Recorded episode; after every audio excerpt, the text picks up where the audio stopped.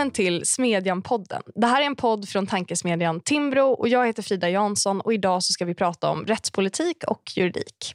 Om ni vill så får ni gärna betygsätta podden i Podcaster och iTunes för att hjälpa fler att hitta hit. Och om ni har tips så får ni skicka det till smedjan.timbro.se och vi finns som alla andra även på sociala medier. En av de viktigaste frågorna i valet är rättspolitiken. Allt oftare så hörs det att förslag strider mot grundläggande rättsstatliga principer. Stämmer det? Vad i Sverige är egentligen hotat när det kommer till rättssäkerheten? Och hur kommer det sig att olika grupper inom rättssystemet har olika åsikter om vilka åtgärder som krävs? Och är advokater och åklagare oense om allting? Och med mig för att prata om det så har jag Adam Daneli som jobbar på Timbro med mig och läser juridik. Hallå, hallå. Ja, jag har Paulina Brandberg som är åklagare på Riksenheten mot internationell organiserad brottslighet och riksdagskandidat för Liberalerna. Ja. Och jag har Viktor Banke som är försvarsadvokat. Yes. Varmt välkomna alla tre. Tack. Tack så mycket. Tack. Jag tänkte att vi skulle börja med eh, någon, sorts av, ja, men någon sorts definition av rättssäkerhet, om ni har det. Eh, Paulina, vill du börja? Vad är rättssäkerhet för någonting?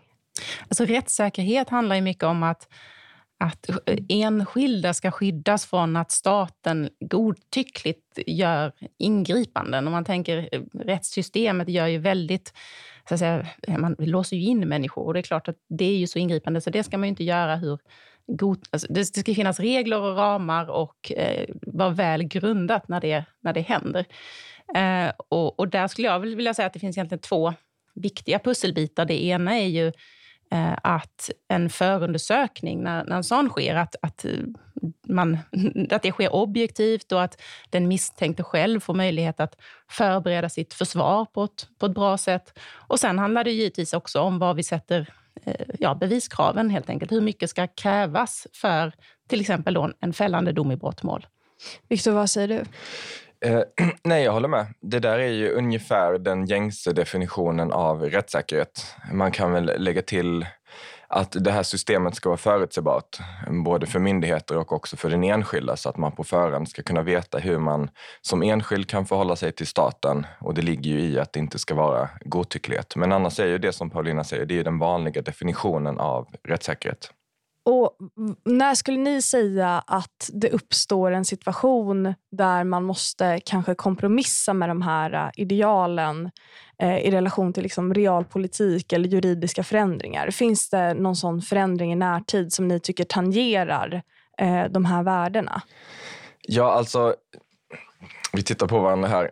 Um, det finns ju, det är ju hela tiden naturligtvis eh, frågor om relation mellan stat och enskild. Eh, och hela tiden måste ju de brottsbekämpande och brottsutredande eh, myndigheterna och även domstolar förhålla sig till det här systemet. Och det är inte ett system som är svart eller vitt, utan det finns ju nästan uteslutande, vill jag påstå, gråskalor. Och det är väl i de gråskalorna som det uppstår alla de här frågorna. Vad är egentligen rimligt? Och det här kommer vi säkert komma in på senare, men, men en eh, situation där jag tycker att man ofta fastnar och kanske framförallt där vi advokater fastnar, ehm, det är just att man, man åberopar rättssäkerheten och sen, sen nöjer man sig där. Men det är ju självklart så att när situationen förändras, när samhället förändras, när skjutningarna ökar, när man har enormt många unga människor som, som dör ehm, av, av mord i um, olika utsatta områden till exempel, då måste man också fundera på, finns det någonting i det här systemet som, som vi måste göra avkall på eh, nu? Men det är inte det är inte fråga om, återigen, antingen eller. Att antingen har vi ingen rättssäkerhet eller så har vi all rättssäkerhet. Utan, utan man måste hela tiden sträva efter att ha så mycket rättssäkerhet som möjligt. Att det ska vara så rättssäkert som möjligt. Men man måste ju också ta den brottsbeivrande verksamheten på stort allvar. Och det där kanske inte är ett särskilt rakt svar, men jag tror inte man kan svara så mycket mm. rakare än så. Utan det här är svåra frågor som man hela tiden måste eh, fundera över. Vad är rimligt i den enskilda situationen? Men om man tar ett konkret exempel, som till exempel den här eh, utredningen nu som har kommit om kronvittnen som regeringen vill genomföra. Moderaterna har ju varit för kronvittnen sedan 2012. Eh, om vi bara, Adam, vad är kronvittnen? Kan du inte bara förklara det för lyssnarna? Eh, ja, alltså kronvittnen är väl egentligen en, eh, det ordet är väl lite grann att man har importerat det från andra rättsordningar. Men tanken är ju att i Sverige så finns det ingen möjlighet för åklagare att på något sätt eh, ge förmåner till personer som är misstänkta eller åtalade eh, när de hjälper till med utredningen. Det finns en liten ventil att domstolarna kan beakta det idag. Och den här utredningen som regeringen tillsatte för tre år sedan tror jag eh, presenterade sitt slutbetänkande ganska nyligen och de föreslår att man gör den här ventilen lite större så att möjligheten är nu eh, föreslås bli av den här utredningen att man kan ehm, eh, i, åklagaren får ge en viss rekommenderad strafflindring för personer som har hjälpt till inom ramen för utredningen. Och när man säger kronvittnen så är det, det är lite missvisande i och med att den här lydelsen som den föreslås handlar om att hjälpa till i utredningen. Det är alltså inte bara att säga så här, ah, men nu, nu har den här personen gjort det här brottet, jag kan vittna mot, mot den personen. Utan det handlar om att ja, man kanske kan bidra med vad, vad, vad var brottsupplägget, vem ska man prata med, hur ska utredningen liksom bedrivas effektivt. Så den, den, det är liksom en det är en väldigt, väldigt bred möjlighet att lindra straffet för den som har medverkat. Mycket bra sammanfattning tycker jag. Men eh, om man tar det eh, förslaget till exempel. Är det så att den här konflikten aktualiseras då? Alltså, eh, kan man inte tänka sig brottsbekämpande åtgärder som eh, på något sätt inte befinner sig i den här gråzonen eller som inte tangerar de här grundläggande värdena? Eller är den konflikten konstant? Man kan väl se det som en situation där den konflikten aktualiseras på så sätt att du har en absolut rättighet som enskild att inte överhuvudtaget bidra till utredningen av din egen skuld. Men det här är inte på något sätt nytt. Det finns ju redan idag i brottsbalken en möjlighet eh, till, precis som, som nämndes här, till viss strafflindring för den som på ett ganska tydligt sätt bidrar till att eh, saken utreds eller att saken klaras upp. Men det får inte vara efter att man till exempel har konfronterats med väldigt komprometterande bevis och så vidare. Men det är klart att, att man kan se det som ett sätt att i vart fall ge incitament för den enskilda att frångå den rätt man har, att inte bidra till utredning av sin egen skuld. Men det finns ju andra förslag som kanske tydligare utmanar eh, klassisk rättssäkerhet eller klassiska principer. Till exempel förslaget om, eller när man liksom går ut och medvetet eller öppet säger att man vill ha omvänd bevisbörda i vissa fall till exempel. Ehm, och det handlar ju framförallt, om jag har förstått det rätt, om enskilda individer som bär eh, klockor eller smycken mm. eller pengar som inte matchar taxeringskalendern. Det vill säga man kan misstänka att den personen har fått dem på något otillbörligt sätt.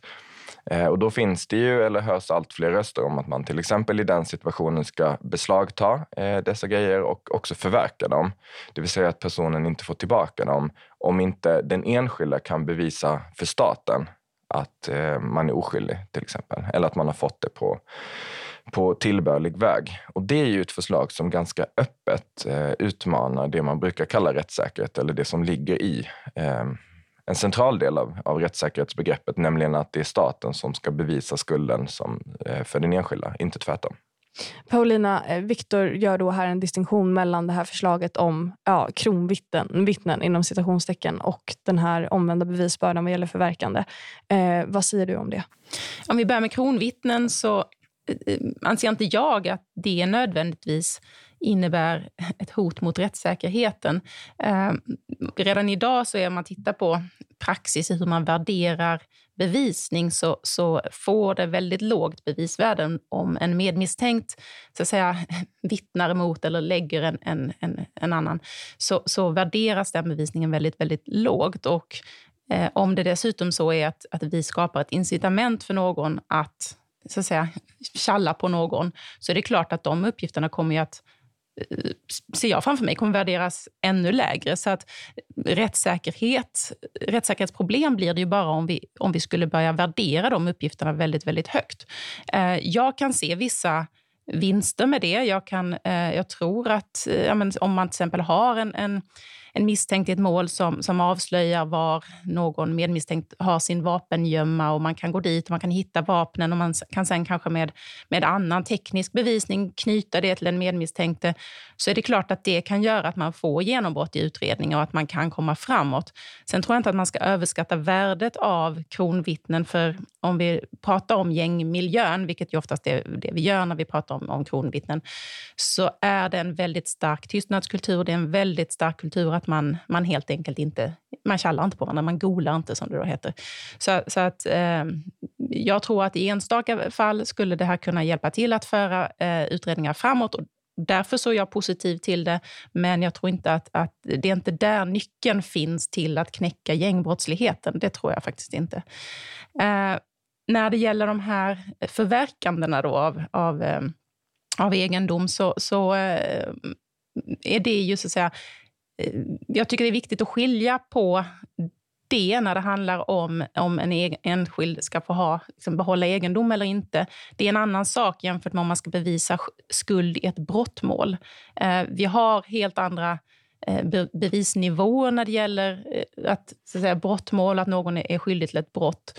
Eh, och i det förslaget som gäller nu med omvänd bevisbörda, eh, det är ju tänkt att ta syfte, eh, sikte på just de fallen där vi har till exempel en person som eh, inte taxerar en enda krona men ändå kör en otroligt dyr bil, sitter med sedelbuntar i bilen och har guldkedja och Rolex-klocka och, och, och, och sådär. Eh, och det handlar inte heller om att, att man måste ta med sig kvitton då överallt var man går och sparar allting, utan om man har en rimlig förklaring, om man kan visa att nej, men det här det här har jag fått i ett arv av en viss person eller att jag kan liksom gåva eller vad som helst, att det i alla fall är någorlunda rimligt, så kommer inte staten att kunna behålla detta. Det är inte så att man då som enskild ska ställa, ha det ställt utom rimligt tvivel att man har fått det här på ett lagligt sätt, utan, utan det räcker att man på något sätt kan göra det något mer sannolikt än, än, att, än att man har gjort, tjänat via brottslig verksamhet.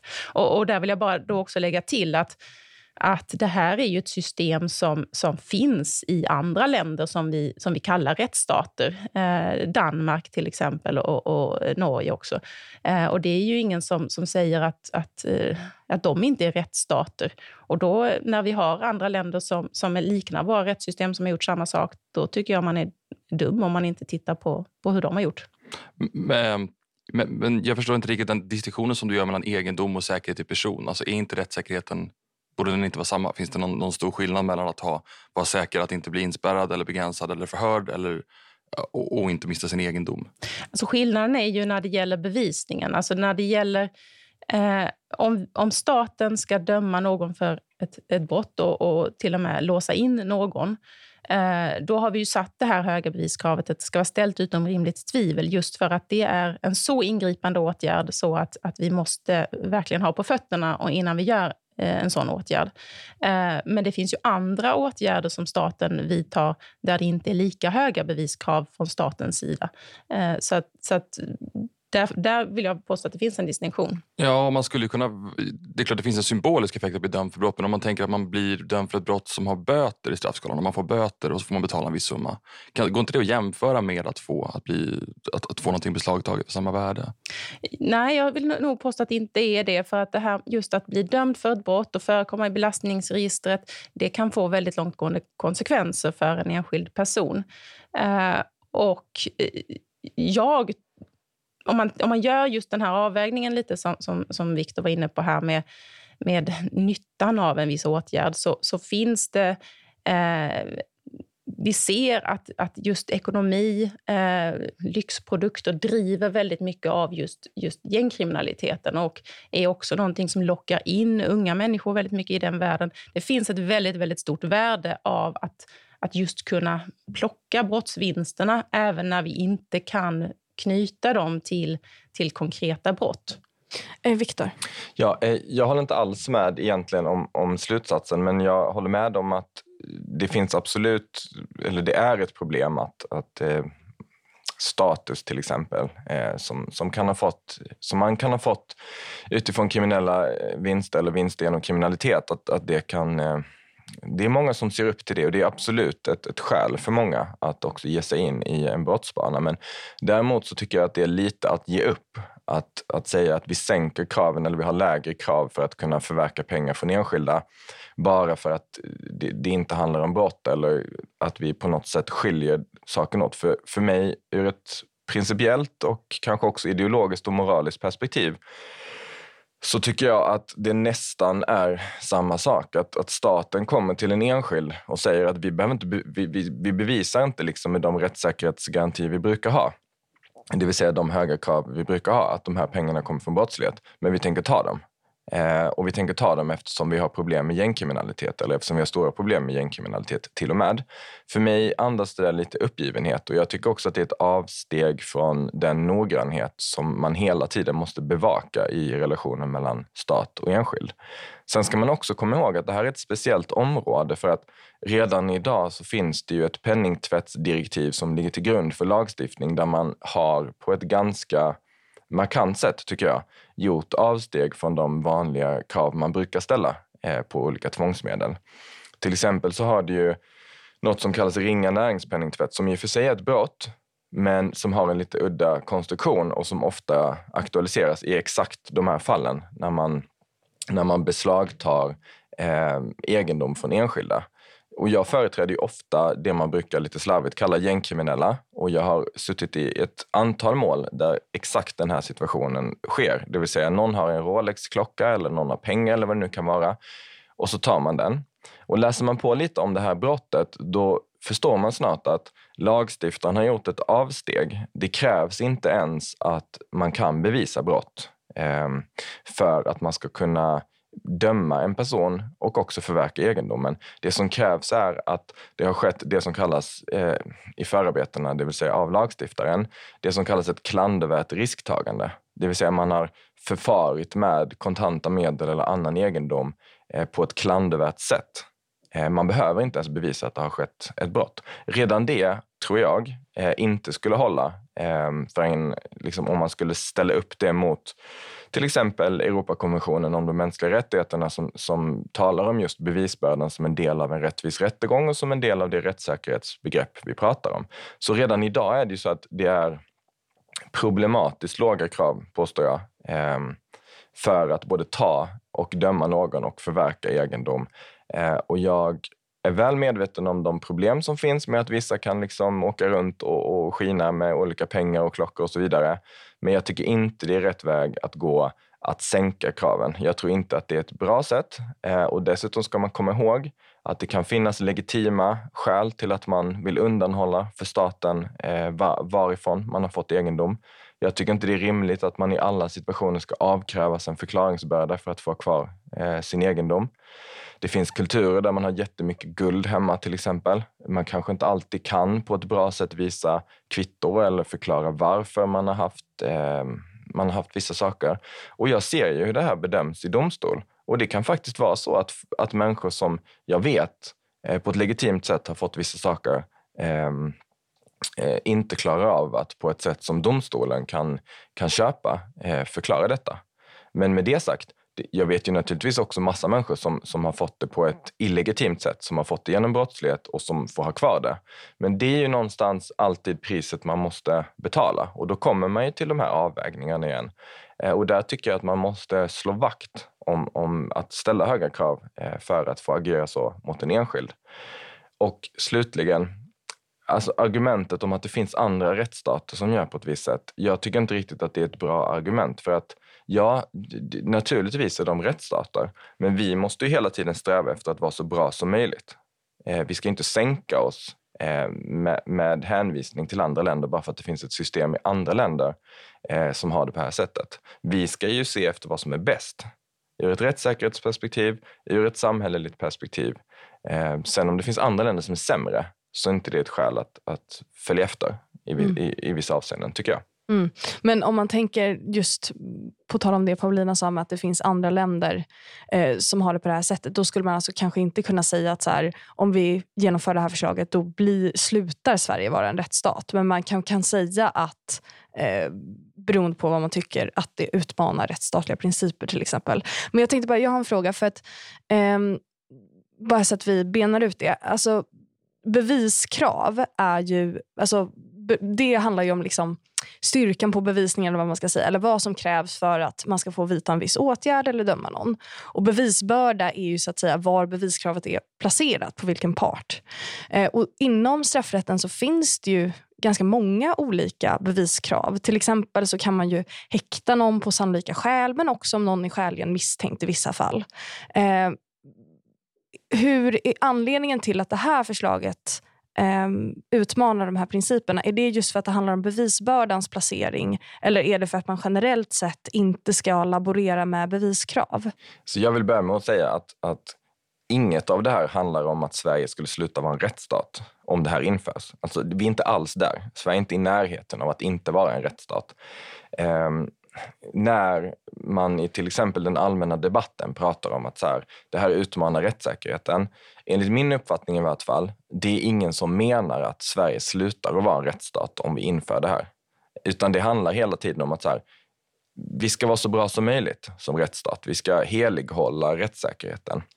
Eh, och det vill jag säga med, med liksom emfas. Det är ingen som, som pratar om att vi ska sluta vara en rättsstat om vi inför något av det här. Eh, och ja, jag tror att det handlar framför allt i det här fallet om, i vart fall för mig personligen, så handlar det om det större perspektivet, att det är staten som kommer till en enskild och avkräver av den enskilda att det är du som ska förklara dig. Du måste förklara dig, annars tar vi dina grejer. Det är för mig problematiskt. Och det är ett, framförallt ett principiellt eh, perspektiv. Sen kan jag se att det redan idag finns eh, skeenden, som jag förklarade tidigare, eh, när man liksom kommer ner på de till exempel ringa näringspenningtvättsbrotten så kan det finnas vissa dimensioner eh, redan idag där det i praktiken eh, nästan blir så att den enskilda får liksom förklara sig eller berätta varifrån man har fått sina grejer. Annars kommer man att dömas och annars kommer det att, att förverkas. Och det tycker jag är problematiskt redan idag. Men inget av det här handlar om att Sverige inte skulle vara en rättsstat. Eh, så. Det är inte alls där vi är. Mm. Eh, men jag funderar på ändå så här. Eh, Finns det något sätt att komma runt den här eh, konflikten kring effektiv brottsbekämpning och rättsstatens principer? Att man ska sträva efter att, eh, jag menar, att eh, rättsväsendet ska ha så hög legitimitet som möjligt, att man ska eh, liksom helighålla de här principerna? Eller kan det finnas brottsbekämpande åtgärder som överhuvudtaget inte utmanar den här konflikten? Och vilka skulle det kunna vara i sådana fall?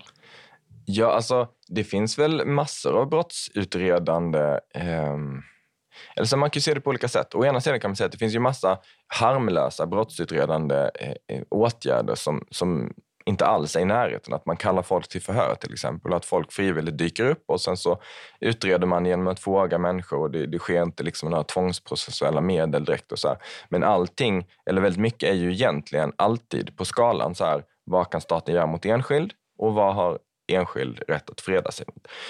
Ehm, och den skalan kommer vi alltid vara på. Och jag tror i vart fall att det, det, är därför också vi alltid bråkar om den, för att den aktualiseras ju alltid. Och frågan är ju var på den skalan man hamnar. Man, och man kan åskådliggöra det här till exempel med ett radikalt exempel. Och det här, är liksom inte, det här har ingen verklighetsförankring, men säg till exempel brotten i nära relation. Um, som ju nästan alltid sker i hemmet, så grov kvinnofridskränkning som är otroligt svårutrett för att det nästan alltid sker mellan två människor. Eh, vi kan ju till exempel sätta upp kameror i alla medborgares hem. Eh, och så hade vi kunnat utreda nästan samtliga, vågar jag påstå, eh, fall av grov kvinnofridskränkning eller misshandel i nära relation och så vidare. Men det är ju ingen som tycker att det är rimligt. Det är ingen som är beredd att betala det priset. Och det var, liksom, det var ett radikalt exempel. Men bara för att åskådliggöra den konflikten finns alltid, men den finns i olika mån. Ehm, och ofta så är vi ju beredda att betala ett ganska... Alltså vi är ju beredda att göra avkall eh, på olika saker. Vi får hämta in folk, vi får spärra in folk. Och det är ingen som ifrågasätter att man kan hålla människor häktade till exempel. Det är ingen som ifrågasätter att staten dömer enskilda. Eh, det är ett pris vi är beredda att betala för att ha en ordning. Eh, och jag förstår att de här frågorna är mer och mer aktuella med tanke på det samhälle vi lever i. Den här situationen vi har nu, den måste kallas, alltså den måste kallas vid sitt rätta namn. Den är absurd. Den är onormal. Eh, vi kan inte ha så många skjutningar. Vi kan inte ha så många människor som dör. Vi kan inte ha så mycket vapen. Vi kan inte ha så många barn eller unga män som springer runt eh, och har tillgång till vapen. Vi måste kalla det liksom vid dess rätta namn. Det är en absurd situation vi måste komma bort från den och jag förstår att de här frågorna aktualiseras. Och då är ju frågan, var ska vi lägga oss? Och jag tror att det är därför vi bråkar om det här hela tiden, för att det är frågor vi måste ställa oss. Det är naturligt att vi pratar om det här. Men hur kommer det sig då att om man liksom hårdrar debatten, sen förstår jag att det inte är så enkelt, så kan man ju ofta få eh, uppfattningen, även nu när vi pratar om det här i studion, att advokater och åklagare hamnar på olika sidor av, av de här gränsdragningarna, att man värderar eh, ja, men vissa saker annorlunda helt enkelt. Eh, delar ni den bilden och hur kommer det sig att det är så, Paulina? Jo, jag delar den bilden att eh, det blir Eh, i alla fall i sociala medier så blir det väldigt polariserat mellan åklagare eh, och, och polis å ena sidan och, och advokater på den andra. Eh, och eh, på ett sätt är det kanske naturligt att man ser saker på, från olika perspektiv.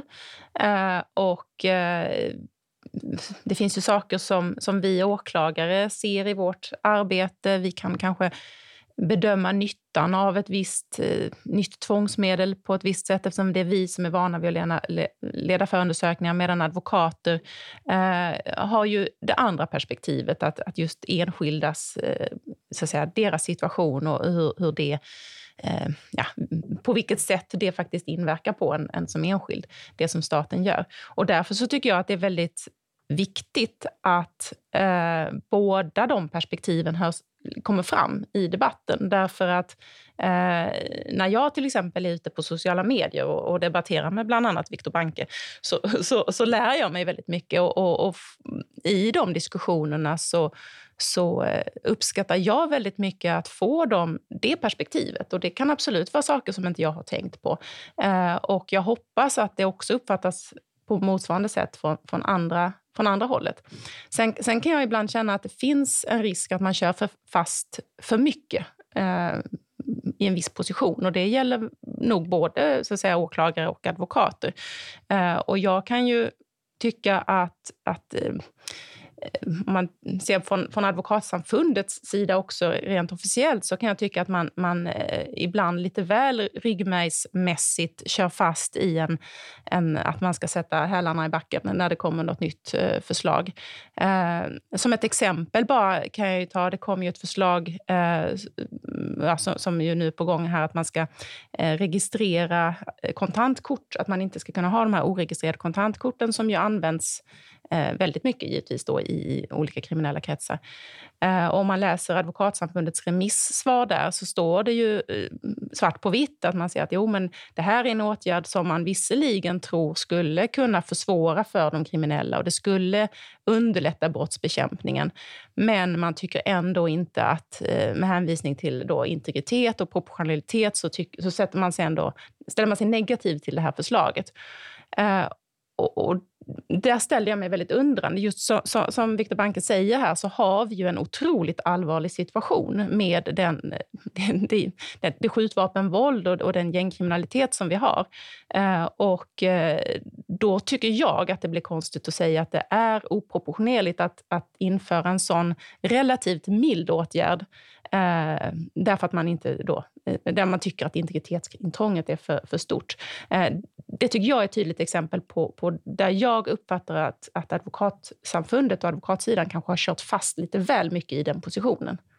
Paulina, du är ju riksdagskandidat för L. Det har vi ju pratat lite om i början. Ja. Eh, och Viktor, du eh, är ju aktiv i samhällsdebatten på olika sätt. Eh, skulle ni betrakta er på något sätt som politiska? Jag, börjar, jag, jag, jag är ju politisk givetvis, i, så att säga. Eftersom jag kandiderat eh, till, riksdagen så är det klart att jag, jag är politisk.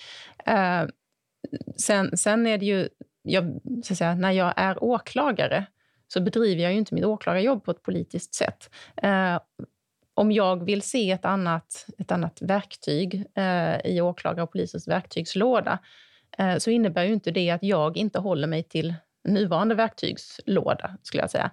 Ehm, det här är en diskussion som kommer upp lite då och då. Det är klart att, att som åklagare så har jag ju, eh, jag har ju en mer begränsad sfär och jag måste hela tiden tänka på eh, att på min objektivitet, se hur kan jag uppfattas på ett sätt som att jag eh, har tagit ställning åt det ena eller andra hållet.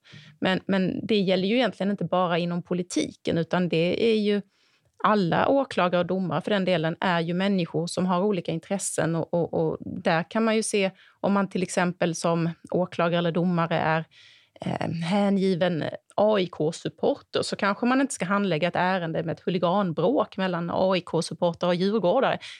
Så att säga, det finns ju många exempel där det kan vara olämpligt att, att man ja, agerar därför att man på något sätt har, har uttryckt att man inte är helt opartisk. Var det eh, inte något jävsfall som var, handlade om fildelning där någon var med i Piratpartiet eller något sånt? Eller som var domare? Förlåt. Ja, eh, nej, men det, det omvända ja. tror jag gällde. Det var de som var engagerade mot Pirat. Jaha, okej. Okay, ja. ja. Jag tänkte att det kändes så fräscht med en domare som var med i Piratpartiet. Lite ja, jag tror inte att de har så stor representation. Nej, men jag menar det, det, det, kan ju absolut... Så här, det finns ju, man ska inte ta lätt på, på eh, på den frågan. Eh, därför att det är jätteviktigt att allmänheten känner förtroende för liksom, en objektiv rättstillämpning och så vidare. Eh, men jag tycker inte att man, som vissa vill göra, att man eh, lite så per definition säger att det är olämpligt att, att åklagare är, är politiska. Och vi har ju domare som, eh, tre av fyra av de som dömer i våra domstolar är ju politiskt aktiva. Det är ju våra nämndemän. De är ju alltid politiskt aktiva.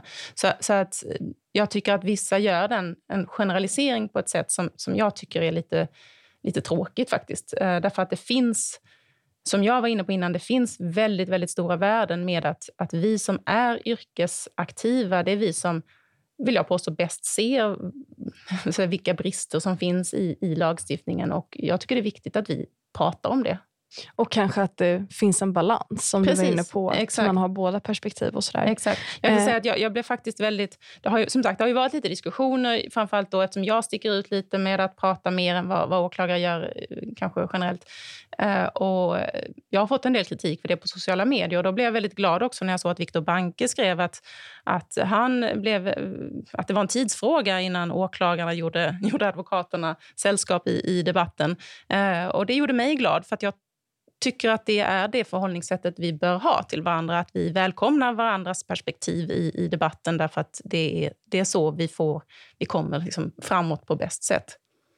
Men precis, vi har pratat lite om skillnaden där att som åklagare så är man ju myndighetsanställd, man har vissa andra ramverk man förhåller sig till än om man är advokat hur ska man tänka kring domarrollen? Kan en domare också vara politisk? och, och, och sådär? Eller finns det någon typ av gräns man, man måste dra där? Vad säger du, Viktor? Jag tycker att både åklagare och domare i högre grad än advokater, eftersom våra roller skiljer sig lite åt, har ett, ett, eh, st extremt stort ansvar att, att hela tiden upprätthålla professionalism och saklighet. Um, och framförallt, kanske framförallt domare, för domstolen är ju någonstans den yttersta garanten eh, för rättssäkerhet. Eh, kanske framförallt att de ska, ska vara väldigt, väldigt försiktiga. Men sen är det ju samtidigt så att man måste också kunna som människa uttrycka åsikter. Åklagare måste kunna uttrycka åsikter. Eh, domare måste kunna uttrycka åsikter. Och jag tror att det här felslutet om att åklagare inte ska få yttra sig eller liksom så här Även om nu det kanske inte är något alla tycker. Men, men det bygger nog lite på, på att man inte gör den distinktionen. Alltså när jag till exempel ser Paulina, och jag tycker bara det, alltså jag tycker det är roligt att tjafsa om åklagare, så jag har inget emot att åklagare i sociala medier och sådär. Jag tycker att det är bra med en allsidig debatt.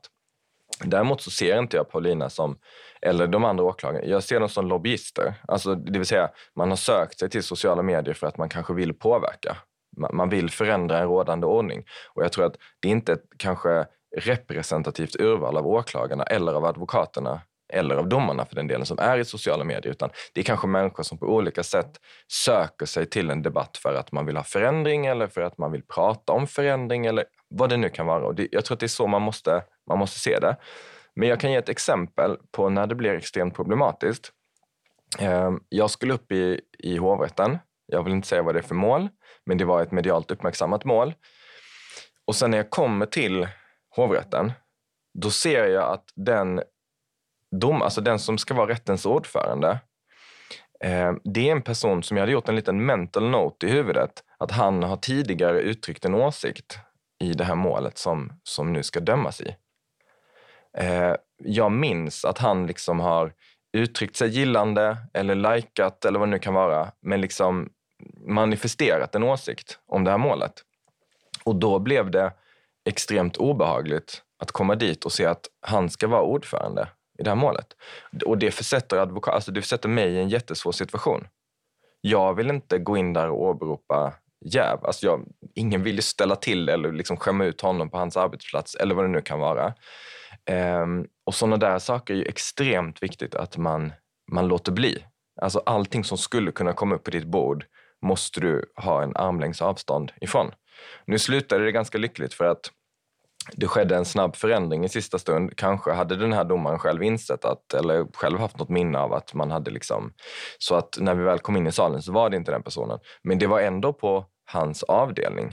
Och det tycker jag var tillräckligt jobbigt. Och det blev en fällande dom. Och då måste jag ta ställning. Ska jag liksom invända här? Ska jag begära att det återförvisas? Alltså det blir frågor man inte vill ha. Man vill liksom kunna känna sig trygg med att här är det liksom bara juridiken. Det är bara bevisningen som har spelat roll. Det finns inget annat. Och blotta risken av att det skulle kunna vara något annat är ju på något sätt tillräcklig. Och därför så känner jag att alla får liksom delta, eh, försök upprätthålla liksom intellektuell hederlighet. Det är det enda kravet jag personligen ställer på både åklagare, advokater och domare. Men håll det borta från, från liksom det som du själv kan komma att, att avhandla. För att det handlar om tilltron till systemet. Eh, jag tänker att vi ska avsluta, men innan dess så tänkte jag, eftersom vi har pratat lite om att, att vara politisk och sådär, eh, om ni har någon åtgärd som ni skulle vilja se i straffrätten? Alltså någonting som, kanske eftersom ni båda är eniga kring att eh, gängkriminaliteten är ett stort problem, vad man borde göra där. Vill du börja Paulina? Ja, där skulle jag nästan vilja prata lite eh, så att säga, generellt, som ju är löpande, som jag eh, är väldigt frustrerad över. Och det är, eh, så att säga, om vi ska komma åt gängkriminaliteten eh, så finns det egentligen bara ett enda verktyg som är riktigt, riktigt effektivt och det är att ta del av misstänktas kommunikation. Eh, vi kan inte förlita oss på att människor vittnar eh, därför att eh, det råder en så stark tystnadskultur. Så att, och, och, även om vi försöker införa kronvittnen och anonyma vittnen eller vad det nu kan tänkas vara, så, så, är det liksom inte där nyckeln finns, utan, utan nyckeln finns i avlyssning, påstår jag. Det ser man ju också utifrån Encrochat-materialet och sådär. Och där menar jag att lagstiftaren måste alltid vara på tå för att följa teknikutvecklingen så att åklagare och poliser har möjligheter att ta del av kommunikation just när det gäller den här allvarligare brottsligheten. Och där har vi haft en enorm senfärdighet. Eh, vi fick ju för två år sedan, knappt två år sedan, fick vi möjlighet till hemlig dataavläsning. Eh, och det var ju då 18 år efter att Danmark fick motsvarande möjlighet. Eh, och det var ju ett läge där all kommunikation mellan så att säga, misstänkta i den här miljön skedde just via, via appar. Det var ingen som kom, pratade över, över telefonnätet egentligen på det sättet. Eh, så att, eh, och där har vi ut, jag ska inte gå in i detaljer, för det, så då avslöjar jag saker som kan hjälpa misstänkta, men vi har fortfarande idag stora problem med att ta del av brottsmisstänktas kommunikation. Eh, och det är där jag menar att vi måste lägga det absolut största fokuset om vi ska kunna komma åt gängbrottsligheten. Vad säger du, Viktor? Ja, det här är ju en mångbottnad fråga såklart. Å ena sidan kan man ju säga så här, det enda sättet att komma åt gängkriminalitet, det är ju att, att liksom, ett, något som inte överhuvudtaget har med liksom, juridik att göra. För att det är ju att, att folk ska sluta begå brottslighet. Och man kan ju också se ganska tydligt hur lite juridik har, alltså hur lite vi kan påverka. När man ser att, att liksom åren efter att, vi har, att man har fått dataavläsningen, det vill säga att man kan komma in i WIC man kan komma in i signal och så vidare. Året efter åklagare och polis har haft extrema framgångar med Encrochat, eh, med Sky och så vidare. Alltså, ni kan inte ens ana hur stor... Jag upplever att folk inte förstår hur stor den här framgången är. Så det är ändå så, sju mord i januari, skjutvapenmord året efter liksom enorma straffskärpningar och så vidare. Så att det måste man ha klart för sig. Att vi sitter här med spillrorna av liksom ett samhälle som inte riktigt fungerar. Men med det sagt eh, så jag vet inte riktigt vad som skulle... Alltså min, min, syn på det här... Det är Men du får säga en förebyggande åtgärd om du vill. För jag kan, jag kan liksom inte se att det är någonting i det här som skulle kunna förhindra den situationen vi är i nu. För att återigen, det spelar ingen roll hur många eh, krypterade telefoner vi knäcker. Det spelar ingen roll hur mycket avla- eh, avlyssning eller avläsning vi har. Vi kan inte komma åt gängkriminaliteten, alltså mellan åklagare och poliser och, och eh, advokater och domare. Däremot så ska vi såklart hela tiden arbeta för att vara så bra som möjligt, återigen. Men det, problemet är inte hos oss och det tror jag är jätteviktigt att man förstår, för ibland så låter det inte så i den här debatten. De unga killarna som jag träffar som är beredda att skjuta ihjäl varandra för ingenting, det är de som är problemet. Och de kommer vara beredda att skjuta ihjäl varandra för ingenting alldeles oavsett vilken lagstiftning vi har. Eh, med det sagt så, så det har varit, eh, måste jag erkänna, det har varit väldigt lätt på många sätt att vara kriminell. Alltså grovt kriminell. Och det ser man ju också nu när man nystar upp de här enkromålen. Man ser ju hur förspänt man har haft det. Man har kunnat sitta och, och prata fritt. Man har planerat ett stort antal mord. Man har genomfört ett stort antal mord. Extremt mycket narkotikaaffärer. Noah skrev ju upp eh, summan narkotika i landet med tio när man hade tagit del av de här Encrochattarna. Det har varit, det har varit liksom extremt förspänt för de grovt kriminella. Um, och det är klart att man kan diskutera till exempel som Paulina säger, att, man, att, att lagstiftaren måste vara mer på tårna. Och, och, så är det ju. Men man måste också förstå att lagstiftaren kommer aldrig komma före eh, de kriminella. För att man hittar hela tiden nya, eh, nya vägar. Eh, så att det är viljan till kriminalitet eh, man ska komma ihåg. Sen har jag ett eget litet önskemål. Det har ingenting med, med att klara upp gängkriminalitet att göra. Eh, och det är mitt personliga hatobjekt, likgiltighetsuppsåtet, som jag tycker att man måste komma bort från. Ehm, för att man dömer människor som, som eh, inte har uppsåt. Det, det, man har hittat på ett uppsåt. Det är ett fingerat uppsåt eh, som, som är ovärdigt. Tycker man jag. kan bara säga att eh, likgiltighetsuppsåt är så att säga precis där grov oaktsamhet övergår i, i uppsåt. Så då likgiltighetsuppsåtet är den lägsta formen, ja. lägsta formen av uppsåt. Och då tycker jag att lagstiftaren istället, det hade varit mer ärligt att kriminalisera grov oaktsamhet i ett större antal fall. För uppenbarligen så tycker man ju att de här människorna ska dömas. Man tycker att det är så klandervärt. Eh, men istället för att hitta på ett likgiltighetsuppsåt så tycker jag att kriminalisera istället det som, som folk faktiskt döms för. Adam, vill du eh, säga några avslutande ord kanske om likgiltighetsuppsåt? det var Det var en härlig här... alltså, brandfackla att kasta in alltså, med en minut kvar av podden. en liten fråga. Så. Nej, men, eh, det var intressant att, att du tog upp det uppsåtet i och att det är ju någonting som man har kämpat med ganska länge vad som ska vara uppsåtets nedre gräns. Och det har hetat olika saker. Och ingen, jag vet inte hur, hur väl egentligen vi förstår det här likgiltighetsuppsåtet och hur väl det blir eh, likvärdigt bedömt. Så jag tycker det var ett jätteintressant förslag. Nej, men jag tänkte väl ta det, om, om vi har gått från det väldigt tekniska då, som, som Paulina var inne på med, med avläsning, till det större perspektivet så skulle väl jag jag tänker att det, finns, det är väl både en möjlighet och en risk. Jag tror att vi kommer få en jättejobbig diskussion efter nästa val kring konsistensen i många av de svenska straffskalorna. För att det har varit väldigt mycket petande eh, under de senaste mandatperioderna kring olika brott. Man har tagit bort ungdomsrabatten i ett jättesnävt eh, spann men behållit den i andra och sådär. Och jag tror att eh, den, den, stora diskussionen kommer att behöva bli hur man konsistent ska kunna utforma vissa nya principer för eh, mm. påföljdsbestämningen. För att nu är det väldigt mycket inkasso, alltså väldigt mycket fall för fall. Eh, och man kommer behöva ta ett helhetsgrepp kring både mängdrabatten som jag tror är idag så är det nog väldigt få som förstår varför den ser ut som den gör men också ungdoms, eh, ungdomsrabatten. Mm. Eh, så att det, det är väl mitt önskemål. Jag tror att det kommer att komma en sån debatt och den kommer bli, det kommer bli jobbigt för man kommer behöva göra upp med en del principiella ståndpunkter som är i svensk rätt väldigt, väldigt länge. Mm. Så att en, en, en, ny tredje avdelning i brottsbalken tänker jag. Det är väl det är inte så... Också ett litet önskemål. ett litet önskemål. Precis. Eh, tack så jättemycket för att ni har varit med. Adam Danieli, Viktor Banke och Paulina Brandberg. Tack så mycket. Tack.